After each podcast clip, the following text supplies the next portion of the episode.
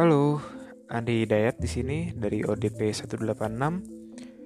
Uh, di sini yang pertama saya akan mengulas tentang podcast pada tanggal 20 Maret 2020. Yang pertama adalah be the CEO of your own time.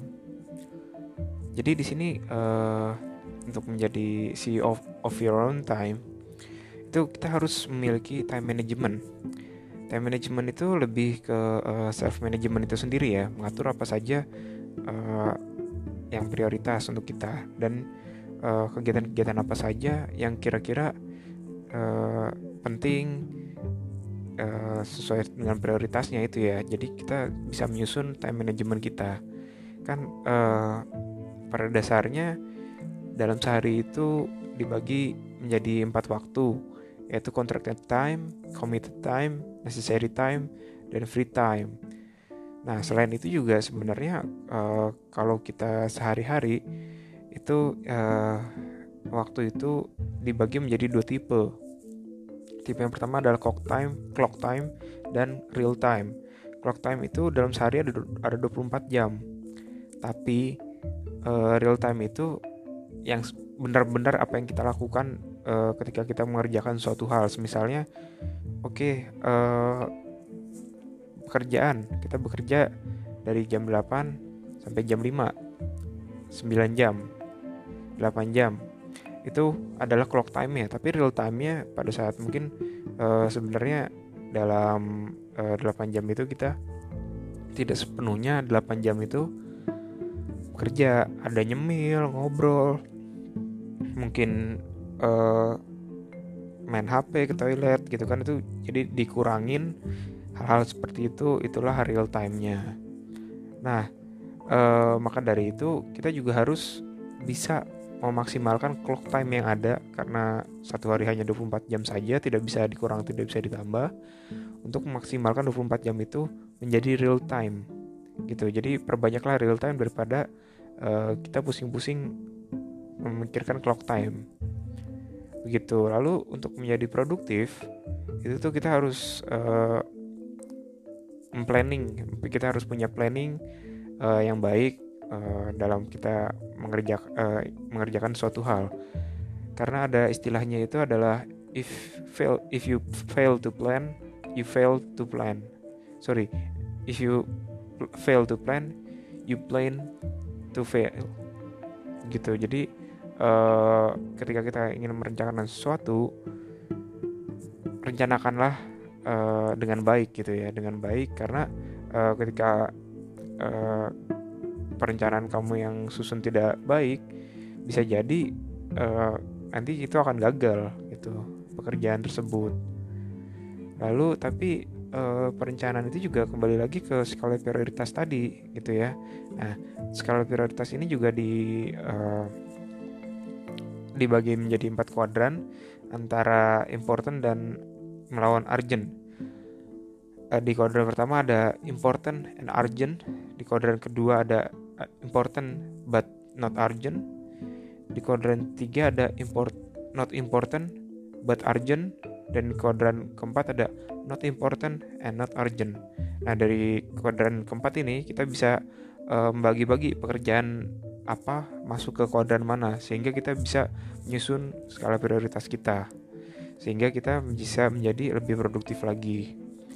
Lalu eh, dalam satu minggu itu kan ada weekdays dan weekend. Nah ini bagaimana caranya how to win your weekdays? How to win your weekdays? Biasanya kan kalau kita eh, di kantor itu kan Senin itu kan menjadi suatu hal yang berat ya. Aduh Senin lagi nih kerja lagi nih gitu dan segala macamnya. Nah uh, Senin itu kan ibaratnya merupakan hari pertama dalam minggu itu. Ketika kita tidak uh, baik menyambut hari Senin itu, bisa mempengaruhi hari-hari berikutnya dalam minggu itu, weekdays bahkan ke weekend. Uh, maka dari itu, ketika kita hari Senin itu kita harus uh, seperti uh, menyukainya, love what you do love what you do and then do what you love. Jadi kita tidak merasa beban tidak merasa uh, sulit untuk menyambut hari uh, Senin. Sehingga hari-hari berikutnya juga akan menjadi baik. Lalu juga mungkin kan kita kan jenuh dalam melakukan rutinitas sehari-hari.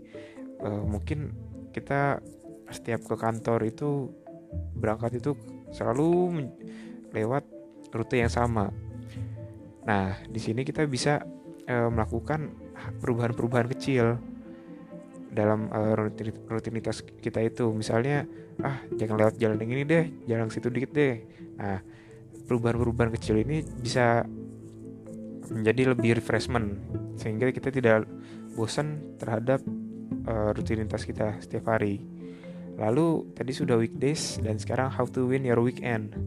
Nah uh, weekend itu merupakan waktu yang sangat penting ya dalam satu minggu itu tuh dalam work work life balance itu merupakan suatu hal sangat penting. Nah, di sini uh, mungkin kan sekarang kan banyak ya weekend itu terpakai untuk bekerja uh, bekerja ya karena memang ada proyek tertentu atau mungkin ada uh, pekerjaan yang menuntut uh, diselesaikan weekend itu juga gitu kan tergantung keperluannya dan tergantung pekerjaannya gitu ya. Nah, tetapi uh, weekend ini kan sangat penting. Kalau bisa weekend itu waktu di weekend itu tuh e, harus digantikan di weekday selanjutnya. Kenapa? Karena weekend itu penting untuk me time dan bahkan untuk keluarga. Jadi kalau misalnya kita tidak ada e, waktu untuk diri kita sendiri atau bahkan untuk keluarga dan teman-teman secara sosial gitu ya, itu juga akan berdampak buruk bagi kita sendiri secara psikis dan juga secara e, fisik. Lalu uh, bagaimana sih caranya tetap produktif di waktu yang sempit. Nah, di sini kita benar-benar harus bisa uh, memanfaatkan waktu-waktu yang ada gitu. Misalnya nih, kita uh, sampai kantor karena kalau berangkat kantor nih setiap hari gitu kan karena untuk menghindari macet, kita uh, datang lebih awal. Misalnya waktu bekerja itu jam 8. Jam 8 sudah masuk kerja, tapi karena kita berangkat lebih awal, kita uh, jam 7 kurang itu sudah bisa sampai kantor. Ada jeda satu jam. Nah jeda satu jam ini kita bisa memanfaatkan waktu itu misalnya untuk sarapan atau mungkin bahkan yang lebih baik lagi adalah uh, mungkin olahraga seperti nge-gym gitu kan. 30 menit saja kan olahraga itu sudah sangat baik sekali dan dampaknya itu sangat luar biasa.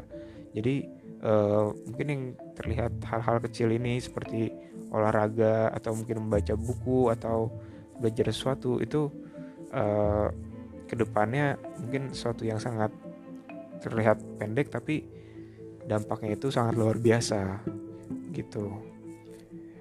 Baik uh, sekian. Terima kasih dari uh, review yang modul yang pertama uh, podcast yang pertama. Terima kasih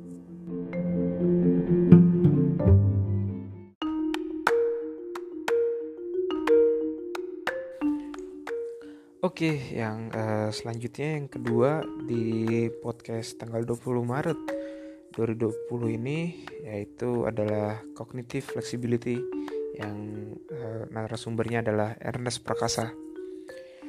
Oke, dalam podcast cognitive flexibility ini uh, di sini ada ini ya uh, tentang membahas bagaimana peran uh, mengambil peran dalam satu satu beberapa peran dalam satu lingkup pekerjaan ya.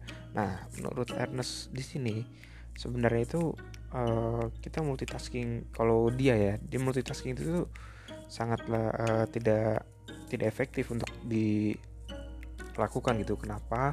Karena ketika kita saat uh, melakukan beberapa pekerjaan dalam waktu yang sama, kita tidak akan menjadi fokus dan bisa jadi pekerjaan yang kita lakukan itu tidak maksimal hasilnya gitu ya lalu juga uh, lebih baik kata dia uh, fokus pada satu pekerjaan yang satu dulu baru kita switch ke pekerjaan yang lainnya agar lebih fokus dalam mengerjakan masing-masing tugas tersebut. Nah uh, switching juga ketika kita nge-switch ke untuk mengerjakan pekerjaan yang lain itu sangatlah penting gitu. Jadi dalam proses switching itu mungkin kita bisa juga membangun mood dulu gitu kan agar uh, pikiran kita selaras dengan apa yang atau relevan dengan yang akan kita kerjakan lagi gitu.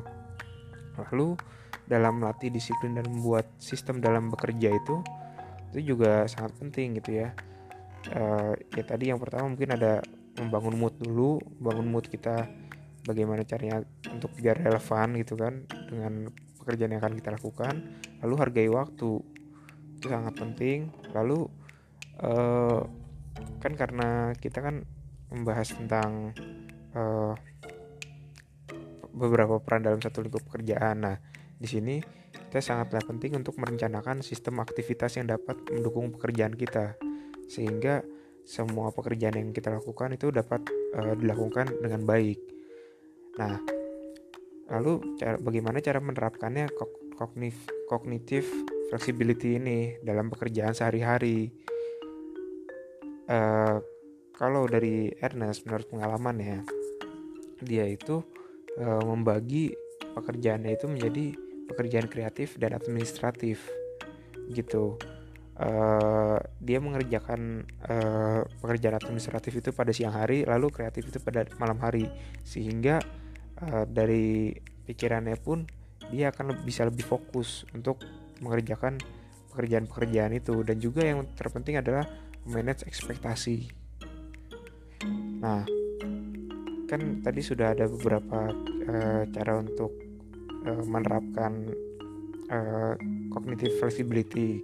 Nah, sekarang ini adalah bagaimana cara mengasahnya, mengasahnya dan tetap relevan seiring perkembangan zaman. Nah, cognitive flexibility ini kan uh, pasti juga mengikuti perkembangan zaman kan ya.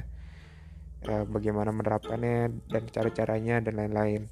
Nah, uh, yang terpenting itu yang pertama kalau menurut uh, Ernest, yang pertama adalah identitas diri kita, pencitraan dari diri kita itu yang berbeda tuh bagaimana. Kita harus uh, menentukan bagaimana sih identitas kita di identitas kita bagaimana kita ingin dikenal oleh orang lain di dalam uh, mungkin dunia pekerjaan gitu ya.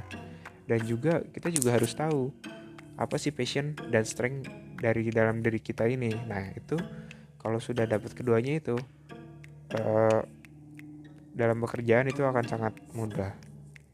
Lalu cognitive flexibility di ranah pekerjaan yang berbeda-beda karena uh, tergantung bidang pekerjaannya seperti apa kebutuhan pekerjaan seperti apa kan pasti kan berbeda-beda kan ya. Ah ini yang kalau yang terpenting adalah ketika saat melakukan pekerjaan yang berbeda itu kita harus uh, bisa mengelola waktu pastinya kan. Mengelola waktu dan juga mengelola energi dalam melakukan pekerjaan. Karena waktu kan kita hanya punya 24 jam dalam sehari. Gitu mungkin kalau uh, kantoran working hour mungkin 8 jam atau uh, bila perlu ditambah dengan lembur gitu kan. Tapi juga uh, misalnya kita harus lembur atau bekerja dalam weekend kita juga harus bisa mengelola energi energi kita. Kalau tidak mungkin kita bisa drop sakit ya kan uh, dan sebagainya gitu. Lalu uh, kemampuan cognitive flexibility ini ini juga dapat kita tularkan kepada anggota tim kita kepada orang lain. Jadi tidak hanya uh, dipilih uh, kita simpan sendiri gitu karena dengan menjadi um, role model mungkin ya orang melihat kita dengan kemampuan cognitive flexibility kita yang baik orang-orang akan terdorong untuk menerapkan atau mempelajari cognitive flexibility yang kita lakukan gitu. Sekian uh, dari podcast yang kedua yaitu cognitive flexibility yang dibawakan oleh Ernest Prakasa. Terima kasih.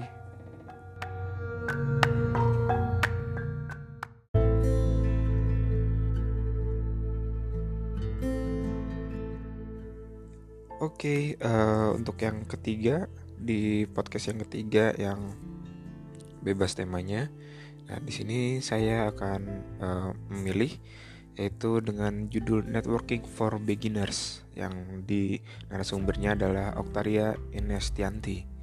Nah, pertama-tama uh, kita harus kenalan dulu nih sama Oktaria Inestianti ini siapa sih?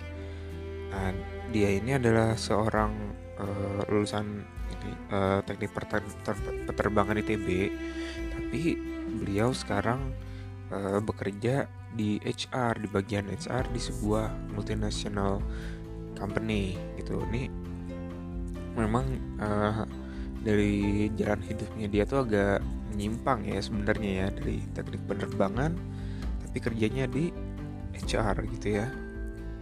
Nah lalu uh, dia ini di sini akan berbagi bagaimana pentingnya networking karena uh, dia bilang sendiri dia cerita bagaimana dia bisa mendapatkan pekerjaannya sekarang uh, yaitu dia mendapatkannya dari networking. Maka dari itu dia menyampaikan bahwa networking adalah sesuatu yang sangat penting. Lalu apa saja sih yang harus dibicarakan saat networking? Nah uh, ketika kita saat networking mungkin uh, kita uh, bertemu dengan orang-orang tertentu itu kan mungkin di occasion-occasion tertentu ya kan?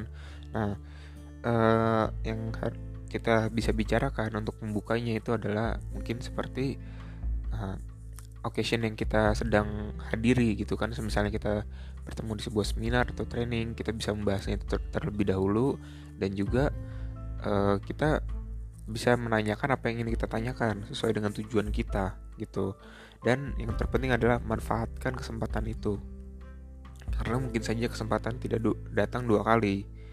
Gitu. Nah lalu uh, pastinya bene uh, ada benefit-benefit dari networking kan. Yang pertama pastinya tadi ketemu orang baru. Lalu kita bisa sharing dengan mereka.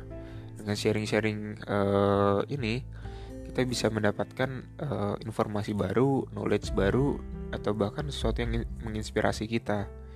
Ya kan?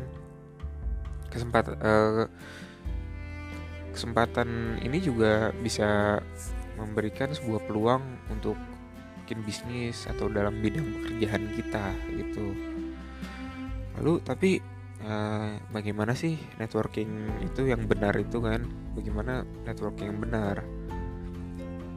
Uh, networking itu kan sebuah sesuatu hal yang harus uh, atau bisa dipelajari bisa kita latih gitu. Tidak uh, semata-mata bawaan dari orang. Memang uh, bagi beberapa orang itu kan networking itu mungkin hard painful ya kita harus membuka bicaraan kita harus ibaratnya basa-basi gitu kan. Tapi kita harus kita juga bisa melatih itu gitu. Yang pertama yang kita harus lakukan adalah kita harus persiapkan mindset kita. Mindset kita kalau kita uh, ingin melakukan networking itu kita ingin uh, mungkin mendapatkan informasi atau kenal dengan eh, orang-orang tertentu seperti itu gitu. Lalu juga uh, persiapan itu sangat penting ya agar bisa membuat dirimu itu lebih mudah saat networking lebih cair gitu. Nah persiapan-persiapan yang bisa dilakukan yaitu uh, mungkin seperti bikin list apa sih yang ingin disampaikan apa tujuanmu untuk networking misalnya kita ke sebuah acara seminar gitu kan kita ingin uh, berkenalan dengan siapa apa yang kita ingin dapatkan dari networking itu. Lalu ada ada satu tips nih yang uh, disampaikan oleh Mbak Oktaria yaitu adalah sebutkan namamu jangan sekali agar lawan bicaramu ingat namamu. Contoh yang diambil adalah dari film James Bond. James Bond kalau mengenalkan namanya itu pasti Bond. James Bond. Dari awalnya saja sudah dua kali. Orang langsung uh, terngiang-ngiang gitu kan namanya langsung ingat dengan namanya itu. Jadi jangan uh, sebutkan namamu sekali tapi berkali-kali kalau bisa. Lalu kan kita sudah uh, mulai networking nih tadi mulai pembicaraan. Lalu yang selanjutnya adalah follow up setelah networking tapi tidak semuanya harus di follow up. Nggak semua kalau harus di follow up kan ribet juga ya mungkin ya karena uh, ya mungkin dari networking pada saat kita ngobrol itu ternyata tidak sesuai apa yang kita inginkan gitu kan atau tidak sesuai dengan tujuan. Nah jadi uh, follow up yang sekiranya kita sesuai dengan tujuan kita saja atau mungkin uh, yang kita butuhkan gitu. Dan yang terpenting adalah komunikasi komunikasi dengan orang tersebut kita harus uh, untuk follow upnya mungkin kita mendapat nomor WhatsAppnya atau sebagainya gitu ya. Yang dan juga cara follow upnya mungkin uh, cara pembukaannya adalah dengan oh iya waktu itu kita kan yang ke sini bareng gitu kan. Yang ke acara seminar ini bareng yang tentang ini ini, ini di sini. Seperti itu adalah salah satunya uh, untuk pembukaan networking tersebut gitu. Jadi ada kesamaan dulu baru kita uh, menyampaikan hal yang lain. Gitu. Jadi uh, sekian tugas podcast untuk tanggal 20 Maret 2020 sekian terima kasih